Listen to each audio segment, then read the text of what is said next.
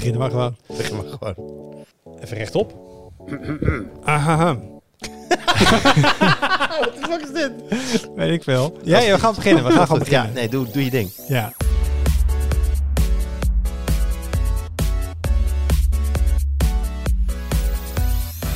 Hoi, leuk dat je luistert. Welkom bij een nieuwe aflevering van de Tweakers Podcast. Mijn naam is Wout en vandaag zit ik in de podcast met Jurian Ubach Hey, hallo. en met Arnoud Wokke. Hoi. Gaat het hier?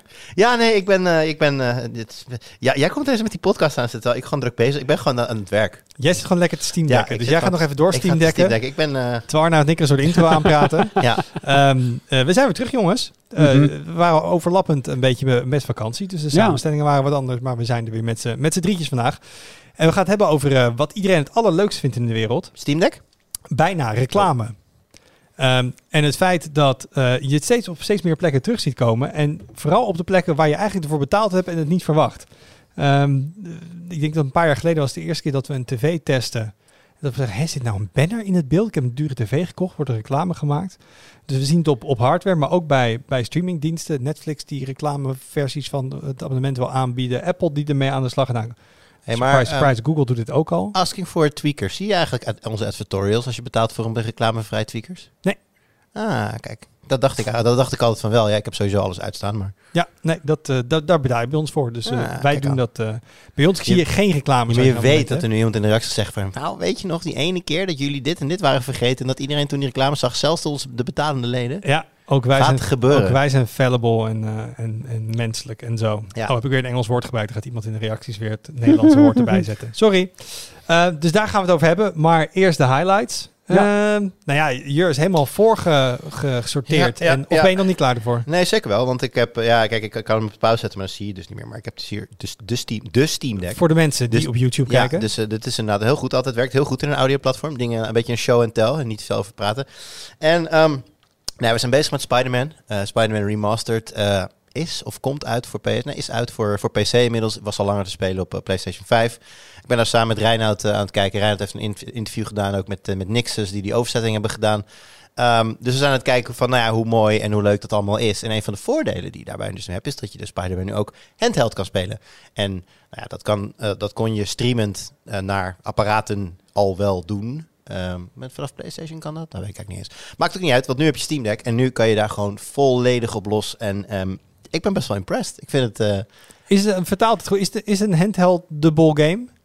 Het is zeker een handheldable game. Dat is handheldable. En nu heb je ze helemaal. Ja. Maar eh, Daar is gewoon geen Nederlands woord voor. Nee, hoor. ja, het speelt heel lekker. Ehm, eh, als, je hem als je hem opstart, dan start hij standaard op in de medium settings. Nou, ik heb een beetje ook op PC met settings zitten spelen. En ik vind dat hij best wel netjes schaalt. Dus als je hem, zelfs als je hem op low, very low zet, hè, je, je, je vergezichten zijn minder, je, je, je schaduwen worden minder. Je hebt geen, geen reflecties of niet veel reflecties meer en dat soort dingen. Maar zeker op handheld maakt dat niet zo heel erg veel uit. Wil Je gaat, hoeveel, hoeveel mensen gaan op een handheld zeggen, zetten, pakken de Steam Deck en zeggen, nou, ik ga nu lekker gamen op de grafische pracht en praal. Kom er maar in met de reacties. Ja, dan moet hij er gewoon niet zo zeuren. Maar eh, nee, dus, dus dit is gewoon lekker voor, hè, voor tussendoor, of in de trein. Of, nou goed, hè, de, de use case van de Steam Deck hebben we hier natuurlijk vaker besproken. Maar dat je dus in, nou, toch, toch wel echt met recht een AAA-game als dit, eh, die heel erg veel snelheid in zich heeft ook. Hè. Je, je, je zwaait als, als, als, als Spiderman zijnde natuurlijk door de, door de straten van, eh, van New York. Spinnenman bedoel? Spinnenman, Ja. ik noem hem dan Spiderman, vind ik leuk. Ehm, en dat, daar zit veel tempo in. En nou, op medium, ik, eh, we hebben nog niet echt een, een meting gedaan of zo, maar ik heb wel de, de, de, FBA, de, FPS-counter in, eh, in beeld. Rond de 30, redelijk stabiel daarboven wel. Eh, dus nee, goed, moet, moet nog wat andere dingen testen. Dus gewoon cutscenes en een beetje rondlopen en zo. Dat, dat wil ook, of binnenlocaties, dat wil ook altijd nog wel eh, interessant zijn. Maar ik vind hem heel, heel, netjes, eh, heel netjes draaien. Zelfs eh, op Very High deed hij het heel even heel goed. Voordat hij crashte. Voordat de hele Steam Deck vastliep. dus dat was, eh, dat was, nou ja, goed, kijk, en als je dit op de PC speelt, dan heb je, als je, als je videokaart het aan kan, kun je ray tracing opengooien. Je kunt upscalen via DLSS en andere methodes. Dus daar heb je veel meer grafische toeters en bells dat je op de Steam Deck hebt. Maar ik vind de, de, ja, de, de, de pick-up en play die dit biedt, vind ik heel tof. En dat, nou, wat ik zeg, dat hebben we vaker besproken van Steam Deck. En waren ook al andere grote games die, die vrij goed werken. Maar ja, dit is een, een hele nette overzetting. Eén eh, minpuntje erbij is wel, ehm, ik zie volgens mij ziender ogen de batterij leeglopen. Het batterij-icoontje, dat springt echt vrij rap naar achteren. Dus dat, eh, het, is, het, is geen, het is geen lichte game voor, voor Steam Weet je, is dit ding nog een soort officieel Steam Deck certified of zo? ja, ja, ja, ja. ja Want we hebben bij de eh, review natuurlijk gezien dat sommige games het best goed doen, maar sommige games ook niet helemaal lekker werken. Want het draait natuurlijk op Linux, dat ding. Ja. En die games zijn gemaakt voor Windows. Maar die hebben ze liefde ingestopt Ja, om voor Steam Ja, Deck staat, en volgens mij staat een keurig vinkje bij ook. En ja, zover zelfs. Eventjes een klein kijkje achter het gordijn. Dat vanuit de PR van Sony aan ons werd gevraagd van... Goh, gaan jullie eigenlijk ook aandacht besteden aan het feit dat hij ook vrij goed draait op de, op de Steam Deck? Zeiden nou vriend, vrij goed draait. Dat gaan wij bepalen. Maar eh, het feit dat zij dus zelf aankomen met, het, met de Steam Deck... eh, en ja, vragen of wij daarna gaan kijken... dat geeft al wel aan dat daar enige, enige liefde naartoe gegaan is. Ik moet het nu toch wel even vragen voor alle Linux gamers die luisteren, allemaal. Is er ook een Linux versie dan? Als hij toch al zo goed op Steam Deck draait, is ook Linux based. Durf ik je zo niet te zeggen. Ik denk het niet. Dat mij is ook niet, niet. officieel. Zou je dat? Er is vast wel dingen op Linux waarmee dat dan moet je dan Windows gaan emuleren of zo Nee, juist. Gewoon Steam installeren op Linux. op Linux en dan hopen dat het werkt. Het, het, het, het- ik denk niet dat ze het gaan doen als losse release voor Ubuntu of zo, omdat het niet zo'n grote markt is. Maar technisch gezien, ze hebben er wel wat, wat tijd en, en op. Maar wat ik toffer vind, Spider-Man is uit voor de PC. En nog geen Spider-Man. Oh, je bent een PC-gamer. Ja, nee, maar natuurlijk. er is een grote PlayStation-titel weer naar de PC gekomen. En we weten dat Sony heeft gezegd, dit willen we meer gaan doen. Maar beloftes worden wel we vaker dat, gedaan. We weten dat Sony Nexus heeft gekocht, die daar heel erg goed in zijn en die dat Precies, dus maar heel veel gaan doen. daadwerkelijk ook. Ik bedoel, ik denk dat Horizon de eerste grote was. Eh, ik denk het wel. Dead Stranding kwam volgens mij vrij rap daarna. God of War is natuurlijk deze, deze winter op de PC gekomen. Ja, maar het begint eindelijk. Ik bedoel, als PC-gamer was het heel makkelijk. Of ik bedoel, de laatste twee, drie jaar. Ik bedoel, je keek gewoon naar Microsoft. Game Pass. Games komen Ja. uit zowel voor de Xbox als voor de PC. Het zit allemaal goed in elkaar. eh goede prijzen. Eh, je was gek als je daar niet een beetje in het Microsoft hoekje ging zitten. Ehm, en al- altijd dacht ik, ja, maar er komen zoveel toffe exclusives uit voor de PlayStation. Ehm, en buiten het feit dat die voor mij nog steeds lastig te krijgen is.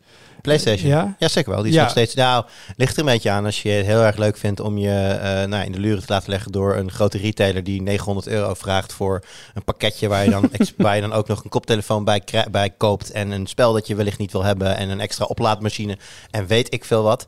Dan kan je hem best wel kopen. Ja, Maar gewoon normaal op de normale manier is het nog steeds een issue. Ja, dus ik hoef sowieso niet alle consoles huis te hebben. Dat maakt al lastig. Dus ehm, ik ben alleen blij dat weer gewoon dat Sony door blijft pakken, laat ik het zo maar zeggen. Ja, nee, zeker. En eh, ja, goed, nee, de, de, de library van, van Sony is natuurlijk bekend. Hè? Die, die is breed met veel toptitels. Dus nou, als die de komende tijd allemaal naar eh, PC gaan komen, dan eh, mag jij met uitstel van twee à drie jaar elke keer uiteindelijk toch een keer meepraten over al die games. Nou, en dan hoop ik natuurlijk dat ze net zoals Microsoft wat dichter op release gaan zitten. Maar voor mij, die, er komt nu voor PS5 ook een remaster aan van eh Last of Us, toch? Part Eh, 2. ja, Ja, nou, als dat nou... Dat is wat oude game, maar dan kunnen ze de remaster meteen meepakken, ook richting PC. Dat zou dan wel heel tof zijn. Ja nou, we, gaan het zien. Ben benieuwd. Ja, Sony zit nog steeds toch. eh, eh, eh, Microsoft heeft de PC natuurlijk al, al, al, lang omarmd. Natuurlijk ook omdat ze daar, andere, maar net zo zwaar tellende belangen in hebben. Maar die, hebben, die zeggen altijd: alle games die van Microsoft zelf zijn, kun je, dan kun je, die koop je een keer en dan kun je ze spelen op PC, Xbox, maakt niet uit. PlayStation omarmt natuurlijk nog steeds zijn eigen platform wel. Ook, ook dat zij natuurlijk minder te winnen hebben in die PC-markt. Daar is Mhm. gewoon minder van hun bij. Eh, maar ja, ze hebben natuurlijk veel samengewerkt ook met, eh, met de Epic Store. Nou, is de, Spider-Man is dan toevallig eh, voor mij voornamelijk via Steam. Ik weet niet of je zal misschien ook via Epic kunnen kopen, geen idee. Maar ik heb lang gedacht dat, dat Epic en Sony een soort van strategische samenwerking aan zouden gaan. om een beetje tegengewicht te bieden aan dat hele Xbox-imperium. wat je Ja. aan de andere kant hebt. En dan zit Steam er eigenlijk als een soort van onafhan- onafhankelijke speler. een beetje tussen die dan games van allebei heeft. Vind ik nog steeds niet heel onlogisch. Ehm, maar dat ze, dat ze, dit, dat ze de- hun games uiteindelijk naar PC brengen, dat, ja, dat staat ook vast. Ja, Denk je dan dat Sony nu ook eh, het kastje, dus de console zelf, minder belangrijk gaat vinden dan, dan voorheen? Ja, weet ik niet. Kijk, als ik nu kijk, eh, en bij mij, ik, ik, daar natuurlijk een, in die zin een aparte user. Ehm, maar ik kan wel kijken naar hoeveel schijfjes ik in mijn kast heb staan. En dat zijn er van de PlayStation 3 enorm veel. En van de PlayStation 4 veel. Van de PlayStation 5 bijna niks. Mhm. Tot niks. En ja, je kunt, wel, je kunt wel degelijk gewoon schijfjes kopen als je inderdaad de disc edition hebt. Maar ik heb sterk het gevoel dat heel, heel veel gamers meer en meer en meer gewoon digital only gaan. En nou, je merkt het nu ook al. Eh, dit Steam Deck is daar een heel goed voorbeeld van. Ik zette mijn Steam Deck aan, wilde Spider-Man gaan installeren. En Steam Deck zei, ja, maar je bent nu op een netwerk waar je eh, je PC hebt staan. En daar staat Spider-Man al op. Dus als je wil, kan ik hem ook gewoon streamen naar je. Nou, en dat is natuurlijk een beetje het codewoord. Streamen ga je steeds meer zien. Eh, ik weet niet of wij mogen vertellen waar Erik mee bezig is. Oh, zeker wel. Dat ding is gewoon te koop. Die heeft de nieuwste QD OLED TV van Samsung staan. Ja. En daar zit gewoon de Xbox Game Pass app op. Dus je koppelt gewoon een Bluetooth controller. En je kan gewoon, als je een abonnement hebt, start je de Xbox app op je tv. En dan klik je welke game je wil spelen. Ja. Kijk, er, er zullen altijd mensen zijn die zeggen: nee, ik wil gewoon lokaal mijn game, dan heb ik betere, betere framerate en dan kan ik over mijn, in- kan ik mijn internet uitzetten. En is die, die groep die, die is er, die blijft en die zal naar verhouding kleiner gaan worden. En, zal, en de groep die denkt van, ja, maar wacht even, dit is gewoon de toekomst. Ik wil gewoon een mooie tv. Ik wil helemaal niet zo'n groot ding nog ernaast of in de buurt of überhaupt los moeten kopen. Ik wil gewoon lekker alles streamen naar mijn televisie. En nou, zodra dat goed genoeg werkt voor mij als in het begin een beetje casual gamer en steeds serieuzere gamers naarmate de techniek beter wordt. Ja, dan denk ik dat het absoluut de toekomst is. Uiteindelijk zullen er ook mensen zijn die altijd fossiele brandstof in een auto willen blijven gooien. Maar ik denk dat naarmate de tijd voordat die groep kleiner en kleiner en kleiner wordt. Dus, dus nee, dat, eh, eh, ja, ik denk uiteindelijk ook, u- ook PlayStation zal een keer mee moeten gaan in die, eh, in die trend. Of ze dat bij de komende generatie zullen gaan doen, geen idee. Noem je Ja, PlayStation nou gewoon de diesel van de, van de, van de techmarkt? Nou ja, hij komt inderdaad met deze verkoopcijfers al heel langzaam op gang, dus misschien wel. maar, ehm, eh, oh ja, nog heel kort over Steam Deck trouwens. Want we hebben deze dus eh, geleend van Steven Vegelin. Nou ja, ons allen wel bekend natuurlijk. Eh, afgelopen, uh, hoe lang is het nu geleden? Een paar maanden geleden afgezwaaid bij ons. Ja, als, als nieuws, Maand of vier. maand of vier geleden als nieuwsredacteur. Nou, hij was zo, zo lief om zijn privé Steam Deck even uit te lenen. Thanks, Wat- Stefan. Thanks Stefan. Maar wat nou grappig is, zij, hij heeft deze al, maar hij heeft zelf nog een pre-order staan. Die pre-order, die heb ik overgenomen. Dus ik vroeg ook aan hem van, goh, heb je eigenlijk nog eens een keer wat gehoord over die pre-order? We zitten inmiddels in augustus. En nieuwe bestellingen worden volgens, eh volgens wel in ieder geval geleverd tussen oktober en december. Dus dan Mhm. zou je toch verwachten dat, in, dat de, de- dit was, dit heb ik met hem nou bijna een half jaar geleden, of nou in ieder geval vier maanden geleden afgesproken.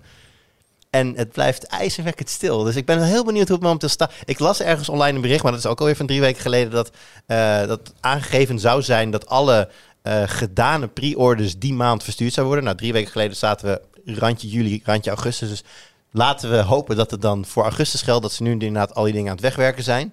Maar ik vind het wel lang duren hoor. En ben je niet bang dat je op een gegeven moment je Steam Deck krijgt, terwijl de Steam Deck 2 al bijna eh, de, de- het levenslicht zal zien? Ja, Nu, vooral nu je dat gezegd hebt, zie ik het. maar dan zeg ik tegen Wout, Wout, wij moeten wel stuk zijn, absoluut een Steam Deck hebben. Dus je mag mij nog wel overnemen, dan koop ik zelf gewoon een Steam Deck 2. Hmm, slim, slim. Maar jij hoopt nog steeds wel gewoon dit najaar om in de kerstvakantie lekker te kunnen Steam decken. Ehm, Zou toch wel moeten? Ja, nou ja, en ook, en dat is, dus, dat is, het- dit is, het, was, het, het was een semi-serieus grapje. Ook omdat ik vind dat we zeker eh, bij, bij belangrijke PC-games Steam Deck performance moeten gaan meenemen. Omdat ik dit een echt heel, omdat ik het een heel tof apparaat vind. En omdat ik ook op social heel veel mensen zie die toch wel aangeven, met, dus de mensen met een Steam Deck, die zeggen van ja, een deel van mijn PC-gaming is echt wel gewoon verhuisd en blijvend verhuisd naar Steam Deck. Dus nou ja, een be- beetje zoals dat ik nou, ja, waar mogelijk, want het doet veel te weinig, maar waar mogelijk ook wil kijken naar eh, de Stadia performance van een game als de Stadia versie tegelijk beschikbaar is. Nou, vind ik het leuk om even te kijken van, goh, hoe werkt het daar? Eh, doen we niet altijd, want ja, meestal moeten wij dan ook gewoon de game er los bij kopen op Stadia en dat ja, is niet altijd eh, goed, voldoende meerwaarde. Maar ja, als er, als, als er eh, meerdere platformen zijn en zeker zoiets leuks als Steam Deck, dan vind ik het zeker leuk om daar vaker naar te kijken in de toekomst. Eens. Arnoud. Ja, La la la. geld. Nou, kom Ja, er maar in. Ik heb, eh, ik heb eh, de, de- een soort van een aantal kleine highlightjes meegenomen. Ik denk, doe, doe het eens een keer een beetje anders. Want er waren gewoon diverse nieuwtjes over geld. Ik had dat zelf niet bedacht, dat had Jurgen gezien, heel scherp. Ehm, en, eh, en ik wilde dat wel bij elkaar pakken om te kijken wat jullie er ook van vinden. Eh, laten we even beginnen bij het eerste. Eh, Rabobank is gestopt met Wallet. En als je nu op Android zit en je hebt Rabobank als bank en je wil gaan betalen contactloos, dan heb je daarvoor dus de Google Wallet nodig. Wat voorheen, wat nu voorheen Google Wallet heet en nu Google Pay. Maar nu weer Google Wallet. Nee, nee, nee. Het heet, nee, het heet Pay volgens mij, toch? Nee, het is nu Wallet weer. het is nu Oh. weer Wallet. Oké, Sinds een paar weken. zo verwarrend is het dus. Dus je moet van de Rabo Wallet naar de Google Wallet. Nou, eh, eh, inderdaad, dit, dit had ik gespoord. Weet je wat heel grappig was? Ik ben, eh, ik ben veel minder dan jullie een early adapter. Ik ben zelfs al een late adapter, mag je zeggen. Mhm. Dus ik werd eh, tegelijkertijd door de Rabobank gepusht met... Je kunt nu de Rabo Wallet uitproberen. Wat had ik dus nog nooit gedaan op dat moment. En ik kreeg ook een bericht. De Rabo Wallet wordt binnenkort uitgefaseerd. Je moet nu. Tegelijkertijd dat ik die op mijn telefoon zat. Ik van, nou, dit is schitterend. Dit maar is het is wel goed dat de Rabobank dat in één keer doet. Want de ABN, die had twee jaar geleden hun app uitgefaseerd. Mhm. Dat ze zeiden, ja nee, niemand gebruikt dit. Niemand gebruikt dit volgens mij wel, maar voor mij heb je gezin. Want moest die app op een gegeven moment updaten naar een andere Android-versie, dat was te moeilijk.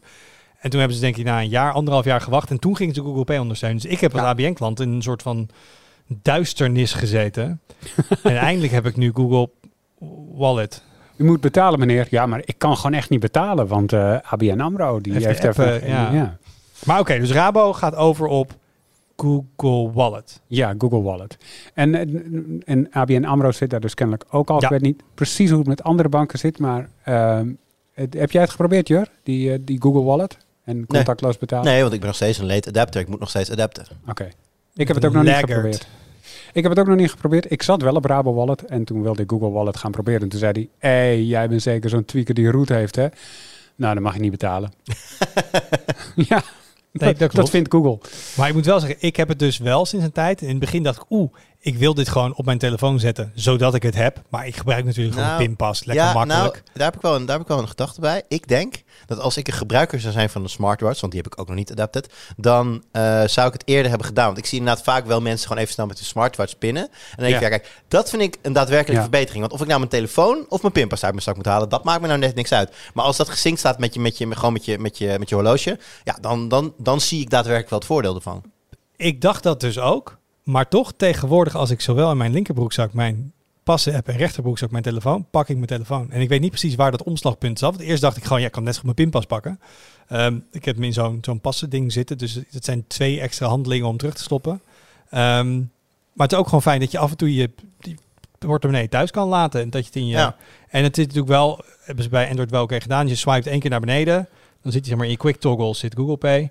Eh, dus als je daarop tikt, dan kun je ook tussen je verschillende passen door swipen. Kijk, als je, gewoon, je kan hem Ja. ook gewoon niet ontgrenden, gewoon tegenaan tikken. Dan pak je je primaire pas. Mhm. Ehm, maar ik vind het ook handig om, oh, dit doen we even van de huishoudrekening. En Ja. want, eh, Ja. dus ik, ik deed dit, ik ben denk ik echt pas twee maanden geleden niet heel erg bewust, maar een soort van onbewust overgestapt. Omdat ik een aantal keer even mijn portemonnee niet bij me had en dan iets moest afrekenen terwijl ik niet van plan was om iets te gaan kopen. En het, het, het is wel handig.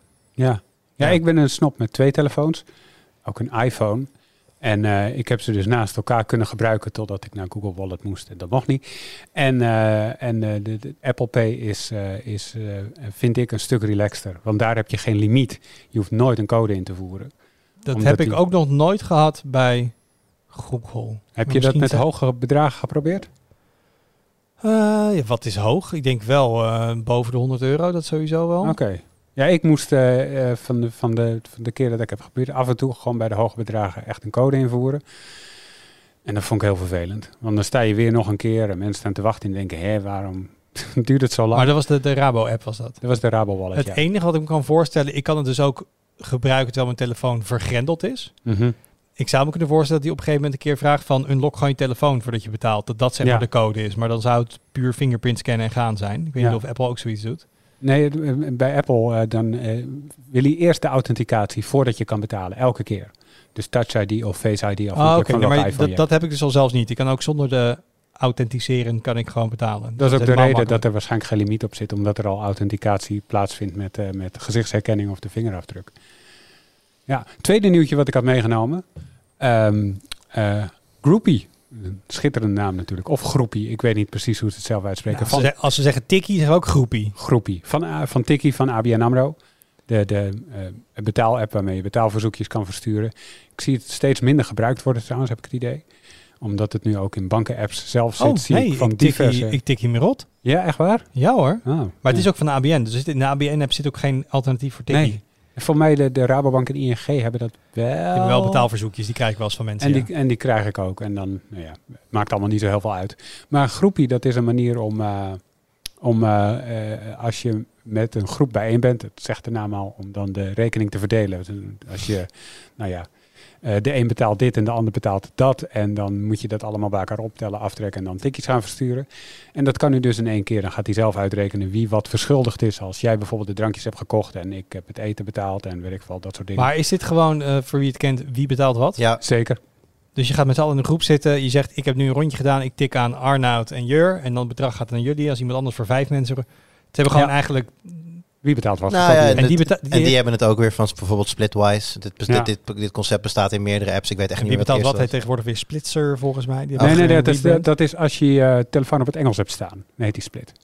Is dat zo? Ja. Oh, dat ben ik. Ja, dat, dat- Nou, wat ik weet, heel, heel, heel lang geleden met, ben ik, zijn we met een groepje naar, naar Boedapest geweest, een groepje vrienden. Toen hadden wij Splitwise gebruikten we daar. Dat is exact hetzelfde als wie betaalt wat. Dus Ja, ja inderdaad. maar dat hebben ze gewoon eh, redelijk shameless eh, gekopieerd gewoon.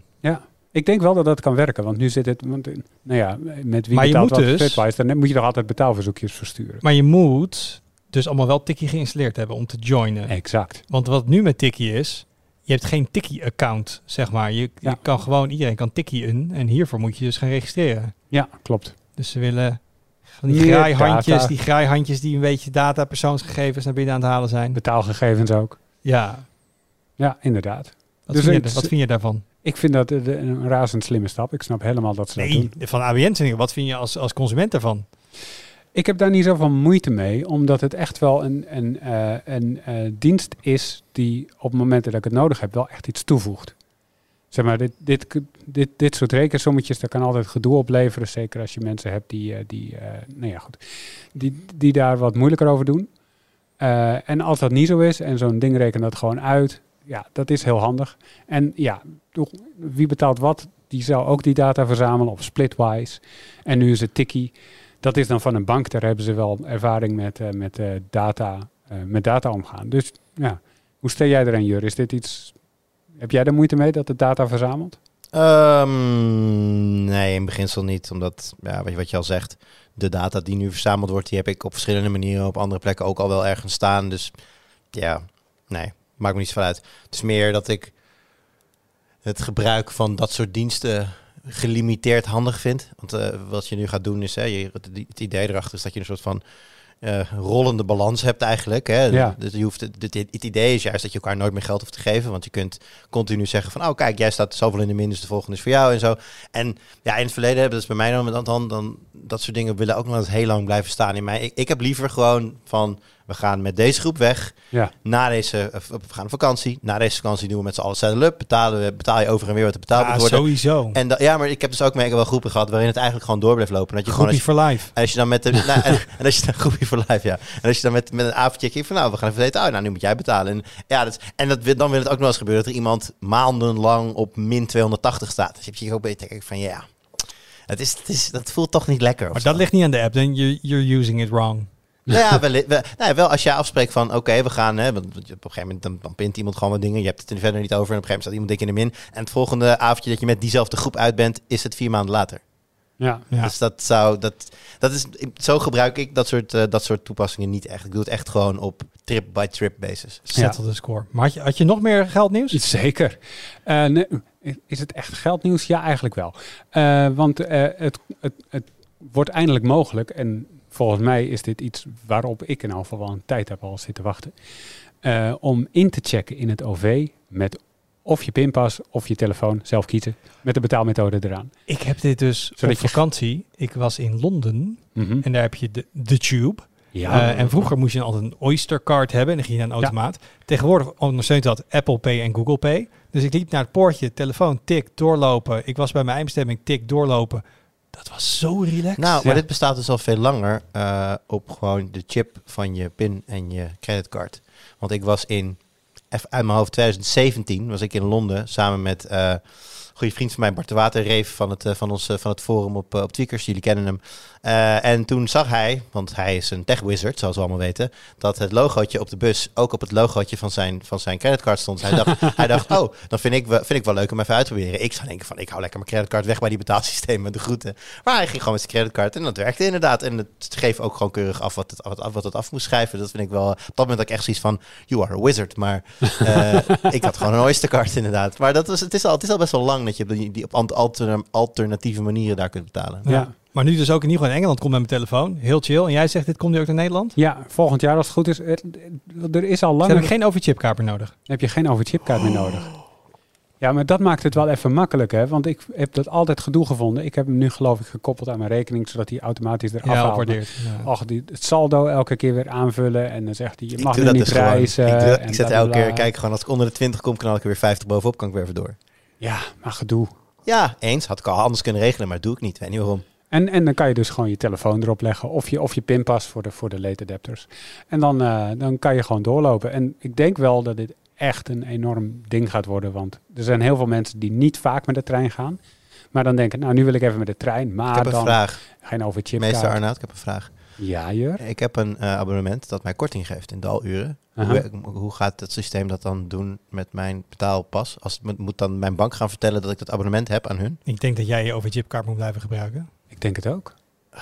Met ABO's. Wil ik of een ze moeten een? OV-chipkaart app voor, de, voor je telefoon. Ja, maar hier, hier moet iets te verzinnen zijn, toch? Ja, lijkt me ook. kan gewoon persoonlijk profiel met misschien dan... Ja, dan moet je je bankgegevens eraan koppelen, anders weten ze niet dat wanneer Ja, jij betaalt met je... Precies. Dan moet je Maar, sorry, maak het gedacht af. Ja? Ja, nee, in de, ergens in, aan de backend moet je dan zorgen dat als het, het betaalsysteem wat gekoppeld is aan jouw telefoon of pinpas, dus eh, de rekening denk ik, dat dat in de backend dus goed staat op dat abonnement. Zodat als met die rekening wordt betaald, Ja. jouw rekening. Technisch is dat dan- goed te Ik doen. wou net zeggen, Of ze dat sterker gaan nog, al deze gegevens hebben ze al. Want ik betaal inderdaad dat abonnement met deze rekening. Het geld dat ik via de machines op mijn OV-kaart zet, gaat vanaf die rekening. Dus als je gewoon de machine en het pasje ertussenuit haalt, heb je dezelfde informatie. En kun je me eigenlijk gewoon dezelfde korting geven. Of meer. Meer korting mag ook. Meer Nou, korting NS, mag zeker. Hoor je dat? Maar, Maar, Arnoud, ja, normaal eh, eh, ben jij degene die deze opmerking maakt. Maar dus Google weet nu al van mij een heleboel. Waar Mhm. komt Google? De. welke, Wow. welke advertenties ik zie. Ik heb een Android-telefoon, daar weet ze behoorlijk van. Ze weten waar ik met Google Maps eh, heen ga, dat soort dingen. Ehm, als ik dus met Google Wallet betaal, weten ze waar ik afreken en de bedragen. Misschien Ja. ook zelf. Ik weet niet of ze ook wat ik koop dan doorkrijgen. Dat weet ik niet. weet ik ook niet. Ehm, en als ik dus nu met OV ga reizen, weten ze ook dat ik dat doe. Ja. Super goed qua gemak. Maar voelt ergens ook een beetje niet goed. Jij gebruikt Google Maps, zeg je. Ja. Houdt die op de achtergrond bij waar je bent? Ik heb mij location wel. history Voor aanstaan. mij wel, ja. Ja, dan weet hij toch ook al dat je gereisd hebt. Ja. Ja, dat is waar. Wow, Wel, Wout heeft precies het traject waar een spoor Maar- afgelegd. Maar, misschien, maar misschien was hij met de auto. Maar Ja. de betalingen, dat is dan wel... Ik bedoel, ik doe het ook, hè. Ik bedoel, ik ben compleet hypocriet hierin. Dat geef ik meteen toe. Mhm. Ehm, want ik, ik ben helemaal pro-gemak. Maar eerst betalingen, dat wist mijn bank. Reizen dan officieel precies wist OV, wist de NS. Of het het busbedrijf. Translink. En dingen op internet opzoeken wist Google. En nu is het gewoon allemaal bij één partij die data. Het is voor de opbouw van profielen is het wel Ideaal. heel juicy dit. Ja, alleen deze specifieke stap voegt dan echt niet zoveel toe. Maar de, de, het, het zijn allemaal jij- kleine jouw eerste, stapjes, ja. Jouw eerste nieuwtje, het, dat Rabo zegt van... Want Rabo zegt tegen de klanten, wat ABN, ABN eerder heeft gezegd. Oké, je moet nu met Google in zee ehm, als je met je telefoon wil betalen. Ik heb dus geen idee welke data vanaf Google over die betalingen naar Google toe vloeit. Zeg maar. ik, ik weet het echt niet. Dus wellicht dat ze dat op een bepaalde anonieme manier hebben gedaan. Ik ga weer uit van het goede van de mens, jongens. Je Corrigeer gaat me. uit van het goede van Google. Ehm, Nou ja, het is natuurlijk wel interessant, hè? Want op het moment dat jij bijvoorbeeld een bankrekening koppelt aan je Google-account, bankrekeningen worden ook gebruikt voor eh, persoonlijke identificatie. Volgens mij heet dat IDEN of zo. Ik weet even Ja. niet hoe dat systeem heet. Dus ja, Google kan daar een bepaalde eh zeker, of, of een, hoe zeg je dat? Bijna zekerheid uithalen dat zij hè, dat het Google-account met mijn naam inderdaad van de persoon die mijn naam heeft is omdat ik een bank, bankaccount met dezelfde naam eraan gekoppeld heb. Dus ja, ehm, ik kan me heel goed voorstellen dat, dat Google intern, of misschien verkopen ze dat ook wel extern, I don't know, een soort van waardering heeft van hoe accuraat hun de data is die zij hebben. Over, Ja. over ja, als iemand daar inderdaad zoiets gewichtigs als een, als een, als een, eh, als een bankaccount aan, aan koppelt. En misschien ja, geeft de Rabobank daar zelf ook nog wel een, een, een soort van, van, van eh, goedkeuring bij. Zo van ja, dit is inderdaad een van onze klanten en wij weten dat zijn, zijn gegevens kloppen. Ja, dat is, dat, is natuurlijk, dat is natuurlijk dubbele verificatie voor Google. Dus ik kan me heel goed voorstellen dat al die data in, in hun, eh, ja, hoe zeg je dat, in hun optiek eh, ja, zo waardevol is als maar kan. Ja, is ook zo. ik zit even meteen in de... We gaan het even live fact checken. Zeker. Support.google.com. What does Google Pay uh, collect? Financial info such as your credit card, debit card or bank account number, purchase history, credit info or other financial info. Dus ze houden in ieder geval je historie van aankopen bij. Oké. Ehm, en dit is best wel breed, plus locatie. Eh, dus ik denk dat ze ook wel bijhouden dan van waar je, bij welk bedrijf je dat gekocht hebt en de bedragen. Ja. Dus ook, dus als ze zien dat jij heel veel geld uitgeeft aan dingen kopen bij het tuincentrum. Nou, is toch voor de profiling. Jij, bent, jij houdt van tuinen. Hier Dus een advertentie voor een hark. En is dat, dat, dat denk ik wel weer, oh, dat is wel best handig. Dan, dan past die advertentie weer beter bij me. Ik Maar wist het. En, toch, en, dit zijn, en dit zijn dan van die momenten dat mensen denken van ja, maar wacht even. Ik heb helemaal niet gegoogeld op een hark. Maar ik heb wel gisteren met jou hier in de kamer waar onze Google Home bij staat, bij ligt, eh, heb ik met jou over harken gepraat. ze luisteren mee. Ze luisteren wel af. En, Ja. dan, en zie je dat het zomaar gewoon van je bank kan komen. Ja, maar het mooie is dan wel weer, zie ik ook, je kan ook gewoon al die data niet laten loggen en verwijderen en deleten. Er Zijn, daar is Google op zich, het zou nog mooier zijn als ze als opt-in gaan maken, maar de opt-out mogelijkheden zijn wel redelijk oké hier tegenwoordig. Ja, Dat je kan zeggen, ja, ik, ik eh, bewaar het maar niet. klopt. Ja. Maar jij bent het al over? Of, eh, Op? je, hebt- of je betaalt met Apple standaard? Ja, ik betaal nu. Ja, zeker nu, want eh, de Google Wallet die, eh, die wil niet dat ik hem gebruik. Oh ja, omdat jij een, een Apple, lead- Apple lead- Pay, een zeker, zeker nu. Er zit, een, er zit een tagline in. Zal ik ook nog even wat zeggen? Ja, want we hebben het over Google, maar ja, dan de kom ik ook podcast is bijna afgelopen. Dus als jij nog een highlight wilt doen, dan... eh, Ja, nee, we hebben nog wel even. Ehm, Android 13 is uit. nou, Mhm. dankjewel Wout. Ik ga weer door met het hoofdonderwerp. Ja, collega Luc stond aan mijn bureau. Die zei, Ar, zei Wout, ik wil ook Android 13. Nou, dat is de eerste persoon die ik dat heb horen zeggen. Ja. Want ik, het, nou, ik kijk ook even naar Arnoud. Die eh, gaat ook al wat langer mee in deze wereld. Vroeger kwam er een nieuwe versie van het besturingssysteem uit. Dan, er is een nieuwe versie. Alles zag er anders uit. Allemaal nieuwe features. Complete vernieuwde ervaring. Ik flash Android 13 na. Ten eerste, visueel gezien, moest ik zoeken Ja, is het echt, echt eh, zo- zoeken. Ik bedoel, er, er zitten vast allemaal dingen onder het motorkap. Maar ehm, ik heb niet het idee alsof ik zeg maar een jaar weer gewacht heb op een nieuwe versie. Ik heb wel eventjes gekeken ehm, in een hele lange lijst van, van dingen. eh, wat is nou handig wat erin zit. Ik moet één ding zeggen. één feature heb ik echt wel gebruikt. Ik weet dat ik jaren geleden mijn telefoon geroot had. Want dan kon ik via een, eh, een toeltje kon ik op appniveau de taal instellen. ja. Want ik wil eigenlijk mijn telefoon in het Engels. Ik wil Google Maps in het Nederlands. Want Mhm. anders krijg je hele debiele uitspraken. Nou kun je tegenwoordig, als je Google Maps in het Engels hebt, de taal in het Nederlands zetten. Maar die is minder goed als dat je hem... Hij spreekt dan geen straatnamen uit en dat soort dingen. Dus ik kan nu zeggen van Google Maps moet in het Nederlands. Nou, dat vind ik wel echt, dat is zo'n ding. We hebben het wel eens vaker gehad. Moet je nog route tegenwoordig? En steeds meer dingen waar ik dat voor deed, worden nu gewoon standaard ingebakken. Nou, dit is er weer eentje. Ja. Die is, vind ik, eh, relaxed. Wat je ook steeds meer zag, is dat apps een persistent notification aanmaakten, omdat ze niet gekild wilden worden op de achtergrond. Zo, sorry meneer die altijd vindt dat ik Nederlands moet praten, maar persistent notification omdat je niet gekild wil worden. Die een altijd zichtbare notificatie in het scherm, zodat het niet afgesloten werd op de achtergrond. Heel goed. En dan op een gegeven moment had ik dus standaard 4, 5 notificaties staan van apps waar ik eigenlijk niks mee deed. Die zetten nu netjes in een submenuutje onder een soort tellertje. Super chill. Ehm, en wat wel interessant is op technisch vlak, dat ze steeds meer onderdelen van Android uit de, ja, het Core OS aantrekken zijn. Zodat ze dat gewoon eh, gedurende het jaar kunnen updaten. En ze bedoelt nu het basisbesturingssysteem. het basisbesturingssysteem. Dankjewel. Zo, ik moet er niet op gaan letten inderdaad. Ehm, zodat ze eh, de blauwtand functionaliteit... Oké, nu normaal doen. nee, maar ze hebben Bluetooth eruit getrokken. Dus dat kan nu gewoon eigenlijk gedurende het jaar via de Play Store geüpdate worden. Ja, Wat best interessant is. En ze doen er nog niet heel erg veel mee. Maar de ultra-wideband module, waarmee je dus dingen als eh, ja, zeg maar AirTag-achtige functionaliteit kan doen. Die hebben ze er ook uitgehaald. Dus dat kunnen ze nu ook meer doorontwikkelen, makkelijker pushen. Maar dat is wel een beetje waar ik op uitkwam toen ik ging kijken wat er allemaal nieuw. Ik weet niet of jij nog dingen gezien hebt die ik gemist heb. niet echt. Maar ik heb er wel twee dingen over te zeggen. Ten eerste, Android 12 was wel een grote visuele verandering. Dus je hebt je grote overhaul vorig jaar al gehad. Al een jaar geleden al. Je kan niet elk jaar iets nieuws verwachten. Er was Material U. Ehm, en ten tweede, eh, je zegt het al, ze hebben weer iets losgetrokken uit Android. Dat doen ze al drie, vier jaar lang af en toe. En het gevolg is dat je dus gewoon vijf soorten updates hebt.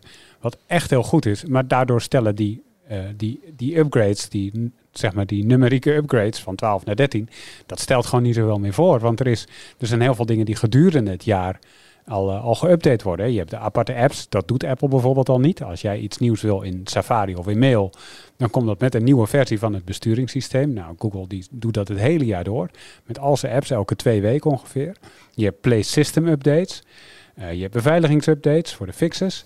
Dus zo heb je de hele tijd door heb je verschillende soorten updates die, eh, die op Android-telefoons binnenlopen. En het voordeel daarvan is, is dat het dus ook kan komen naar oudere versies. Want relatief weinig mensen hebben de nieuwste versie van Android. Niet iedereen heeft de Google Pixel, gek genoeg. Ehm, en die genieten dus ook mee van al die nieuwe features en al die fixes. En dat gaat dan terug tot aan Android 10 of zo, zodat heel veel mensen dat hebben.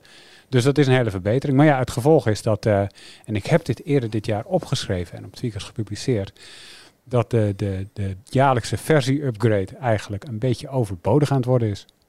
Dus je eigenlijk zeg je, Wout, zeur niet zo. Maar je hebt wel gelijk, maar het hoort zo. En het, Ja. is, het is goed zo. Het is, het is veel beter zo. Want op Android is dat zo gefragmenteerd dat door het los te trekken en het los te kunnen updaten, ja, dan kan je al die mooie nieuwe functies, die kan je naar veel meer telefoons brengen dan als je moet wachten op elke fabrikant die weer die hele upgrade gaat zitten omkatten. En dan uiteindelijk op jouw telefoon komt, want ze doen natuurlijk eerst een allerduurste telefoons en daarna een midrange. En nou ja, dat gaat het hele jaar zo door. Er komen nu nog steeds Android 12 upgrades uit af en toe. Ehm, dus ja, ik denk dat dit veel beter is zo. Ja. Ik moet wel zeggen, in de, sommige dingen blijven gelukkig wel constant. De DJI-app was weer stuk. die gaat gewoon elke keer bij elke beta stuk. En die fixen ze dan net op de, op de valreep. Blij, blij dat er gewoon ook dingen Ja, hetzelfde dat is fijn in het leven dat je af en toe dat soort dingen Zo hou vast. Precies. Ehm, zoals, nou ja, dat is een slechte brug. Nee, we gaan het hebben over reclames. Ehm, want eh, het, het, nou, daar komen we zo op, dat we het op steeds meer plekken terug gaan zien. Ik denk wel, Arnoud, dat één plek waar we dit al langere tijd zien is telefoons. Nou, jazeker. Je koopt een fysiek object, daar betaal je geld voor. Ja. Ehm, schets eventjes, want eh, voorheen was een beetje het idee misschien, ja, nee, dat, dat, dat doet Xiaomi dan. Hè? Dat, maar volgens mij is het veel breder dan dat. Zeker. Xiaomi doet het zeker ook, maar dan zeggen altijd Xiaomi-gebruikers: ik heb nog nooit een advertentie gezien. Het zit ook niet in elke firmware, in elke regio, maar ze doen het zeker wel. Het is echt onderdeel van hun, van hun eh, verdienmodel ook. Daardoor houden ze de prijzen lager. Dus Xiaomi die is daar echt wel mee bezig. Samsung heeft er ook mee geëxperimenteerd. Maar er kwamen niet zulke leuke reacties op van hun gebruikers. Toen zijn ze ermee gestopt. Voor Samsung is het ook niet zo heel belangrijk. Ehm, maar dat gebeurt zeker ook. En eh, nou ja, Apple die heeft al langer advertenties ook al echt in iOS zitten. Hè. De, in de nieuws- en de stocks app kan dat zitten. In de App Store het even hebben over advertenties. Veel mensen kennen advertenties van hun webbrowser en dat Ja. is gewoon een banner. Ja. En dat bestaat ook in zo'n vooral als je gewoon gratis apps downloadt, staat er een banner in. Ja. Maar wat deze fabrikanten doen is niet per se een reclamebanner tonen. Ja, hoewel dat ook wel gebeurt. Hè, als, als je Xiaomi als, eh, als voorbeeld neemt, dan eh, kon het gebeuren dat je een bestand downloadde en dan in het downloadsvenster een eh, dikke banner kreeg van, van een of andere webwinkel die je een tuinstoel wilde aanbieden. Als je weer eens in je huiskamer had gepraat over tuinstoelen. Eh, en dat gebeurt dus zeker ook wel. En dat is, dat is ook wel wat veel doen. Wat natuurlijk ook kan, is een soort van notificatie geven met daarin een soort advertentie. Een voorbeeld daarvan is Apple, die de hele tijd loopt te zeuren dat je iCloud bijna vol is. Of eh, die zegt van, hé, heb je als Apple TV Plus uitgeprobeerd? En ja, Samsung doet het ook voor zijn eigen diensten eigenlijk. Bijna iedereen doet dat voor zijn eigen diensten. Je zit even op je telefoon te checken of er nu eh, toevallig iets staat. Ja, Google doet dat zeker ook. Maar en ik, ik denk wat je zegt net eentje, je iCloud is vol. Ik denk dat mensen dat niet per se misschien zien als advertentie. Het is wel een hele vervelende rode 1 die de hele tijd bij je instelling-icoon staat. ja, maar bijvoorbeeld ook in, in zoekresultaten worden ook eh, Ja. dingen bovenaan getoond. Ja, zeker ook. Maar oké, dus van Google hè, zijn we het ook misschien wel een beetje gewend, want Google advertentiebedrijf. Maar Apple ehm, heeft nu ook echt aangekondigd, voor mij gezegd dat ze hier, of nou de, de geruchten gaan in ieder geval, dat is nog niet officieel, dat ze hier ook echt stappen in willen gaan zetten. Ja, inderdaad. En dan niet, als ik zeg Apple wil stappen zetten en het gaat over advertenties, denken misschien mensen, oh ja, dan gaan ze minder doen, want Apple is toch altijd van privacy en niet dit soort dingen. Maar nee, ze gaan mee in deze trend. Klopt. Ja, en eh, je zegt geruchten. Dat klinkt alsof het een heel vaag gerucht is wat, wat ergens op Weibo stond of zo. Eh, of een andere Chinese site, dat is het niet. Het komt van Mark Gurman van Bloomberg. Wat, eh, die een heel goed track record heeft op het gebied van Apple dingen. Al sinds zijn tijd bij 9 to 5 Mac. En al meer dan 10 jaar. En een analist eh, van, eh, ik ben even die, die, die, het bedrijf vergeten waar, die voor werkt. Ehm, maar eh, eh, dat kwam via CNBC naar buiten. Die had Apple ook gespot op een advertentie eh, eh, bijeenkomst. Eh, eh, waarbij ze nadrukkelijk aanwezig waren en ook mensen zochten om hun advertentie eh, dingen uit te breiden. En Ja, want als je gewoon naar de, de vacature-site van Apple gaat, zie je gewoon heel duidelijk alle Ja. vacatures daar staan die te maken hebben met... Precies, met advertentieplatformen bouwen. En er staat ook, we zijn bezig met onze volgende generatie advertentieplatform. Dus ze zeggen het ook al min of meer zelf. En wat het dan zou inhouden is, nou ja, de huidige advertenties die blijven natuurlijk. Maar daarnaast bijvoorbeeld in maps, in kaarten, eh, dat je dan zoekt op een restaurant, bijvoorbeeld pizza.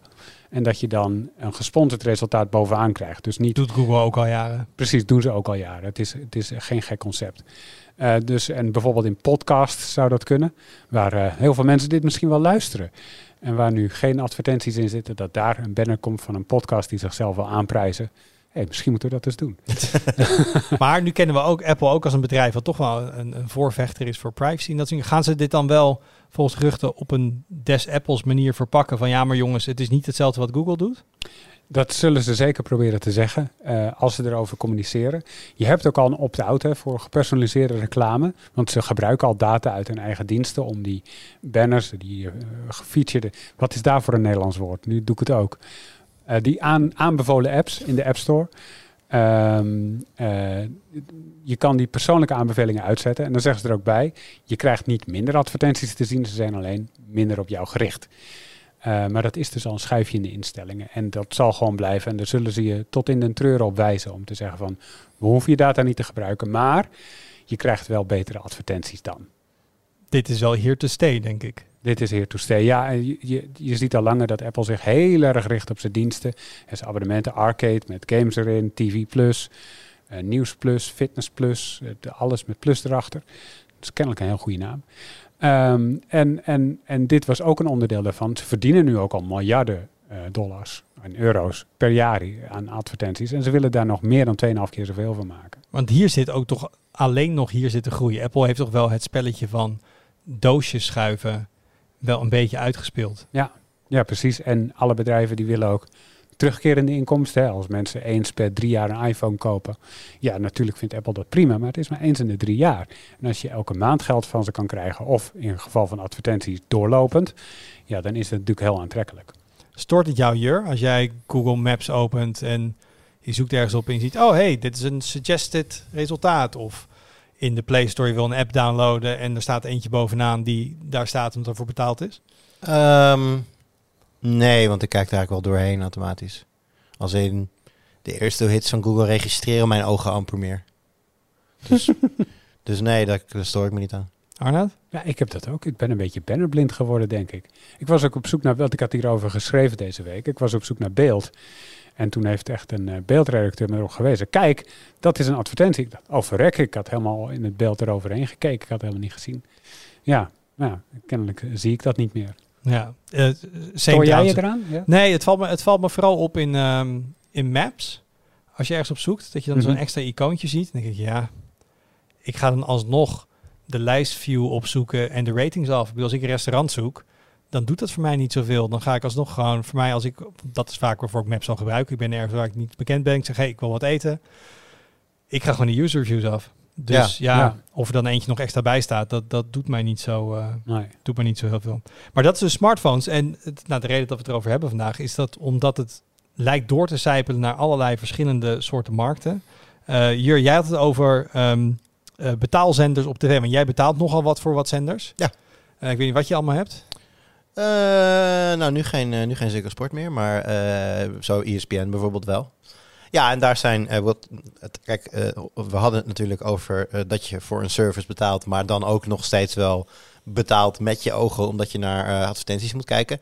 Ja, dat is op sportkanalen eigenlijk heel normaal. Je betaalt een best wel serieus bedrag om naar bepaalde sporten te mogen kijken. Maar ja, in de rust van een voetbalwedstrijd krijg je tussen het studiopraatje en de wedstrijd door zeker twee keer een reclameblok ook te zien. Maar dat is natuurlijk als je het live kijkt, denk ik. Als er een terugkijk, zit ook terugkijkfunctie in, denk ik, via een app of zo? Ja, moet ik even... Ik, ik, weet niet zeker of de site van, van ESPN of die pre-roll serveert. Durf ik niet zo te zeggen. Maar bij de live zit je, want dan zetten ze natuurlijk gewoon het signaal, pompen ze door. Zegt de man met een laptop voor zijn neus. Wat ze krijgen. want ik heb bijvoorbeeld dan, ik betaal voor Formule 1 TV en dan als ik dat terugkijk, dan zie ik daar geen... Dan kan ik gewoon de race Helemaal kijken. Niks. Helemaal niks. daar geen reclame. Wat je natuurlijk wel steeds vaker hebt met sport, is dat allerlei onderdelen van de sport zijn gesponsord. Ja. Dus dan hebben ze een hele snelle pitstop. Ehm, en dan zeggen ze, wow, nou, die zal misschien meedingen naar de DHL Fastest Pitstop Award. Denk je ook niet? Want, en, en daar zijn ze ook in Amerika. Ga maar in NASCAR kijken. Daar is ook elk onderdeel van het geheel heeft wel een losse sponsor. Ja. Uh, en daar ontkom je natuurlijk niet aan. Dat soort, nou, het is bijna geen sluikreclame.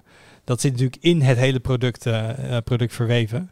Um, ondertussen is hier nog steeds druk aan het... Uh... Ja, ik zit even kijken of ik de samen, of ik een samenvatting kan kan aanzetten en dan kijken of er reclame in zit. Ze, ze, plaatsen best wel veel clipjes. Dus, oh, ik heb hier een samenvatting. Nou, zo kijken wat ik heb het geluid uit, dus jullie hoeven niet te schrikken. het begint, begint gewoon meteen te spelen. Maar dat is de samenvatting, hè? Ja. Het is niet. Je kunt überhaupt wedstrijden, voetbalwedstrijden niet real life terugkijken. Dat, dat zit niet in de dienst. Oké, hm. dus je, je, koopt echt gewoon een lineaire toegang tot het lineaire tv-zender met alles op. Ja, het, uh, de, in die zin is, is, is de sportwereld, uh, of in ieder geval de voetbalwereld, nog best wel ouderwets.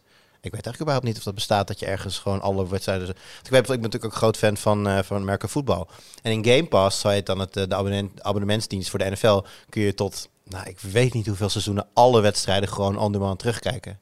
Gewoon echt, dan heb ik het over tientallen jaren, of niet, waarschijnlijk vanaf het begin van Game Pass. Alles terugkijken on demand. Ja, dat, dat, vind, ik, dat vind ik heel, dat, zo wil ik het. Bij F1 niet. Als ik nu zeg, ik wil de Japanse Grand Prix van 1988 zien, dan zoek die op, dan ga ik die kijken. Dus dat, is dat een ding wat je doet? Of? Uh, nee, maar ik weet wel dat mensen zijn in de weekend dat er geen Formule 1 race is. Dat las ik laatst op Reddit dat iemand dan historische races keek. Die wilde gewoon elk weekend Formule 1 kijken. En als er dan geen live race was, dan keek je een historische race terug. Ga je gewoon met z'n allen afspreken om één bepaalde race om die tijd aan te zetten. En dan dat ding gewoon in live een soort commentaar te geven. Ja. ja. Maar eigenlijk dus wat, wat die zenders doen, die betaalzenders, is wat we dus nu ook bij streamingdiensten gaan zien. Ja. Leg uit. Nou, het idee is dit. Want als je uh, ik wou zeggen, als je in Nederland woont, en heel veel van onze luisteraars wonen in Nederland, dan ken je Videoland. Uh, niet de videotheek, maar de streamingdienst, die dit al een paar jaar heeft. Die hebben een, uh, een optie met advertenties en dat kost dan minder.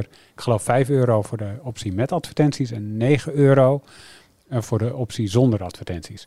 En dat gaan, dat gaan Netflix en Disney Plus dus knijterhard jatten van die kleine speler uit Nederland. En die gaan... Het is niet zo'n heel ingewikkeld idee. Is het ook niet. Ik weet niet of ze het per se van Videoland hebben. Geen idee. Ik zeg ook maar wat. Maar ze gaan het in ieder geval wel doen. Uh, dus goedkopere opties, niet gratis, echt goedkoper, maar je betaalt nog wel. En dan met advertenties erin. Apple dus wellicht ook, maar wellicht ook niet, we gaan het zien. Uh, wat, vind je, wat vind je dan, want het is nu bijvoorbeeld op Prime, heb je nu heel vaak als je in, uh, iets gaat kijken, dat je eerst een, een, een soort van, net zoals in de bioscoop, een voorfilmpje, een trailer van iets heel anders ook op Prime te zien.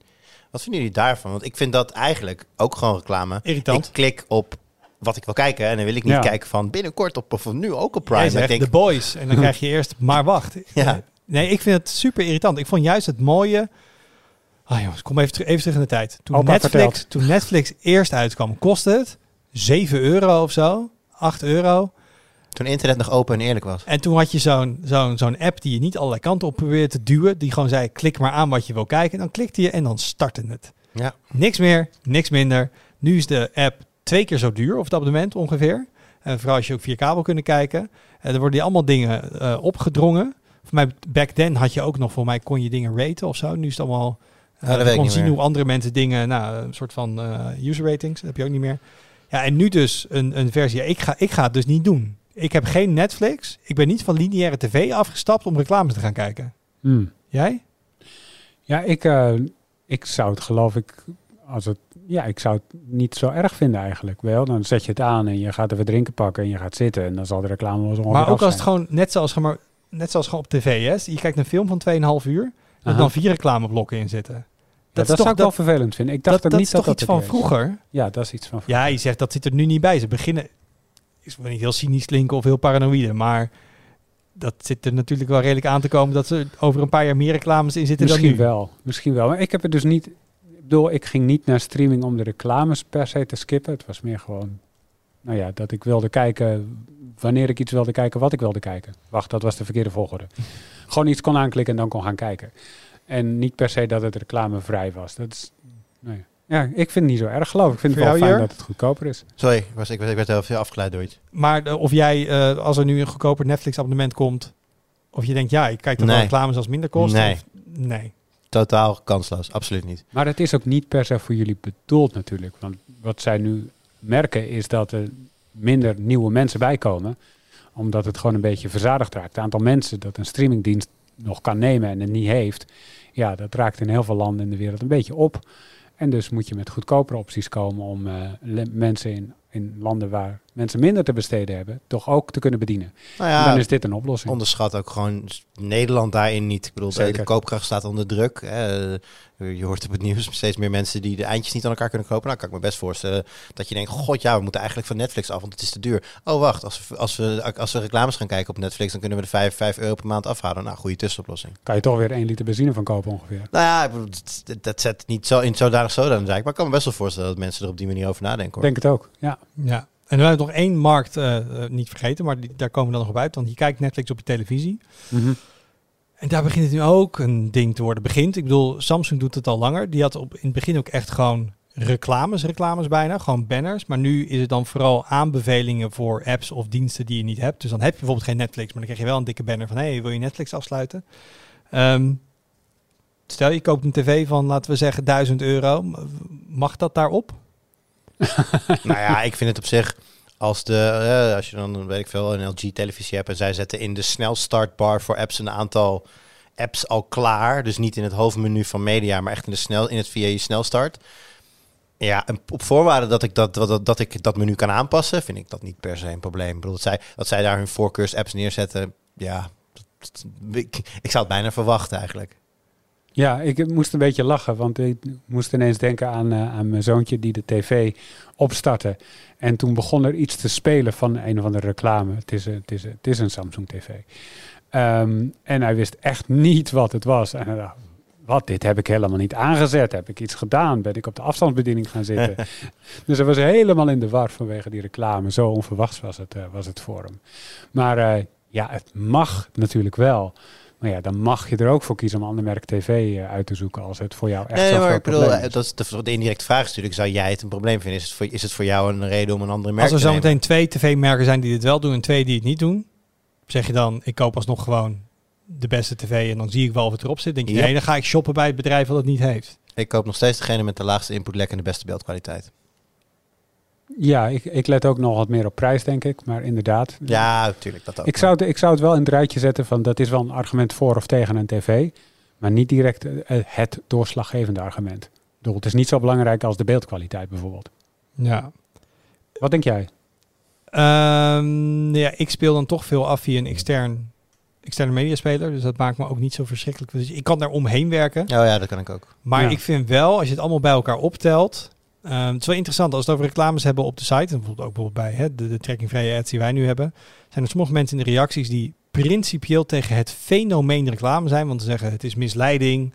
Het is eh, indoctrinatie. eh, Het is gewoon reclame zijn evil. Nou, dat ben ik het niet helemaal mee eens. Maar het komt nu wel op. Je ontkomt er echt bijna nergens meer aan. Vroeger, hè, vroeger komt hij weer. Maar dan, dan keek je tv en had je reclameblok. En dan oké, en dan misschien op de radio. Ehm, maar alle dingen die wij consumeren op dit moment, ehm, alle apps op je telefoon, of dus in het operating system van je telefoon. eh, nou, als je niet voor je Spotify bestaalt, zit het daarin. Het zit in je streamingdiensten. Ehm, ik zie het ook nog wel in auto's terechtkomen op die schermen daar en zo op termijn. Het is wel in een, in een soort wereld die gewoon vol zit. Ik weet niet veel als die, die... U wilt gaan rijden? Kijk eerst even dit reclameblok. Nee, maar als je gewoon die beelden ziet van, van Tokio, van die gigantische ledscherm Ja. dat je in zo'n midden in de stad staat, overal om je ik, heen wil, ik, wil wel reclame zeggen, ik wil zeggen, Night City uit Cyberpunk is gewoon een toekomstbeeld. Ja, en de, ik, ik krijg er wel een beetje een, een, een naar gevoel bij over het algemeen. Dus elke keer als je het, als je het lostrekt, zegt, is het erg, heel erg, dat in maps een ding zit? Nee. Is het erg dat daar en daar? Nee. Maar de hele optelsom van overal waar wij als mensen maar kijken of we onze aandacht op vestigen reclame, zit mij niet helemaal lekker. Ik snap wat je bedoelt, alleen ik, ik voel het niet zo. Ik heb het idee dat de, dat de reclamedruk in mijn mediagebruik, in mijn leven, eh, wat dat betreft nog wel enigszins meevalt.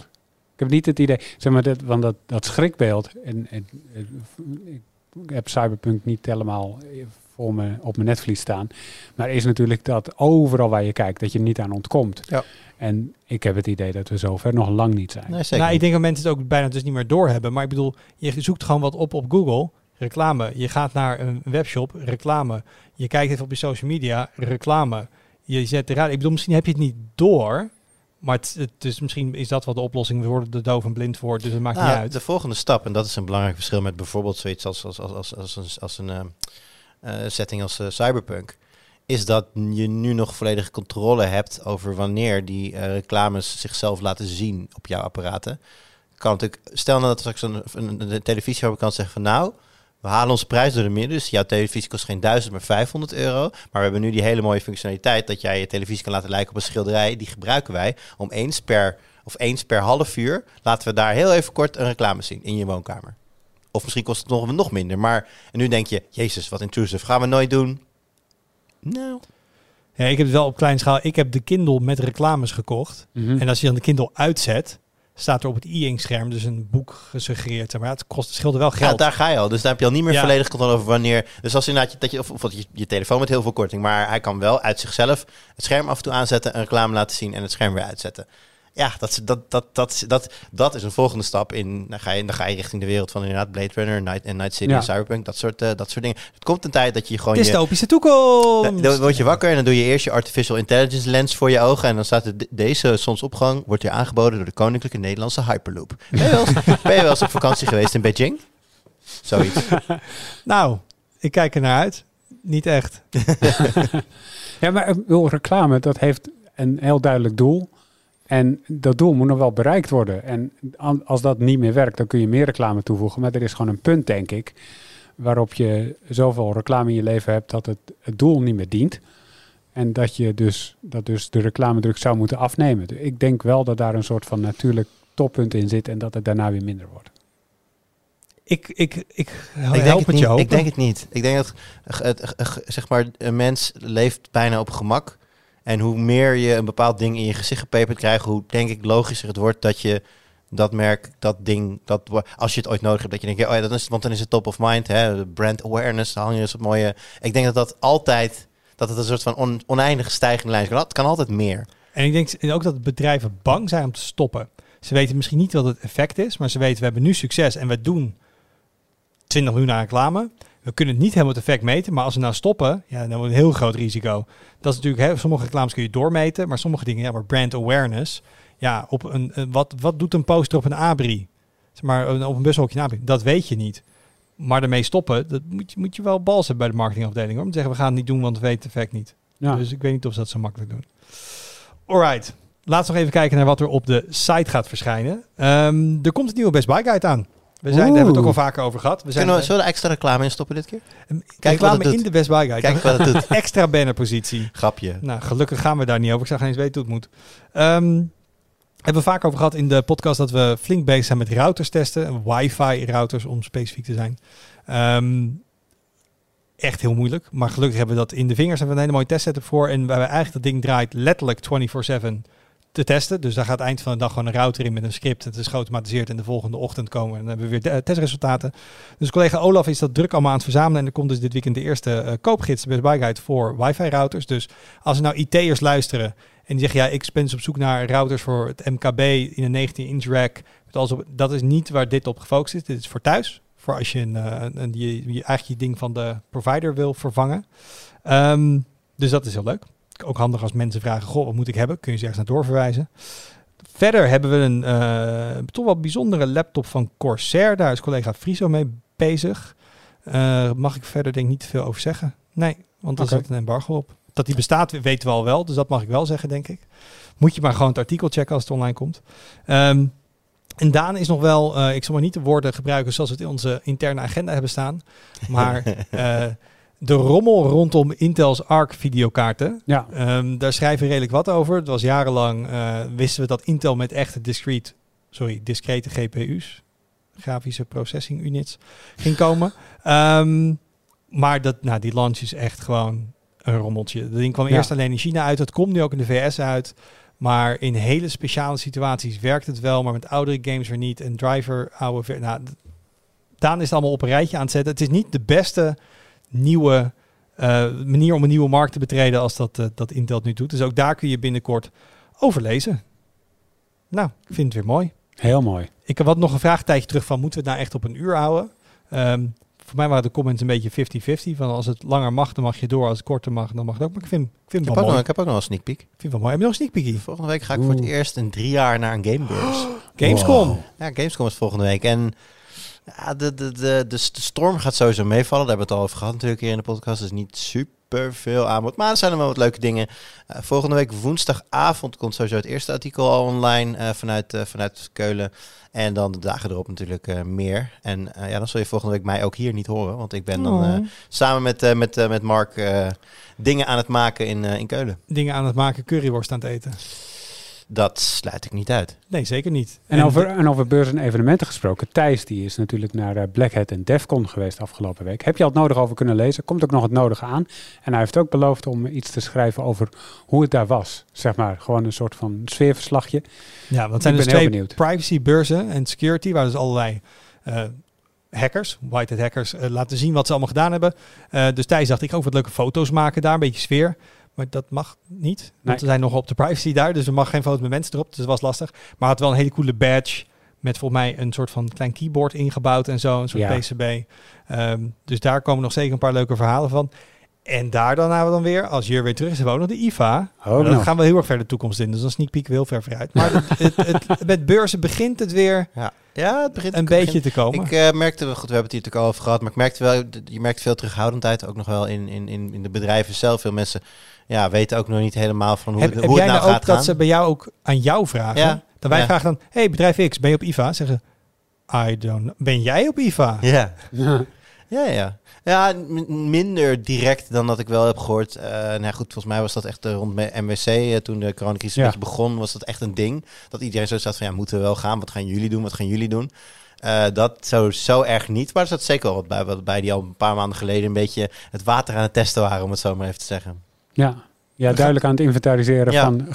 gaat de Heeft pers het- ook? Heeft het Ja, zin en, niet voor per se, ons? en dat is dan niet per se bedrijfsbreed, maar meer in Nederland. De mensen die hier aan het kijken zijn van, goh, moeten wij iemand daarheen sturen om Nederlandse media te gaan begeleiden en op te vangen?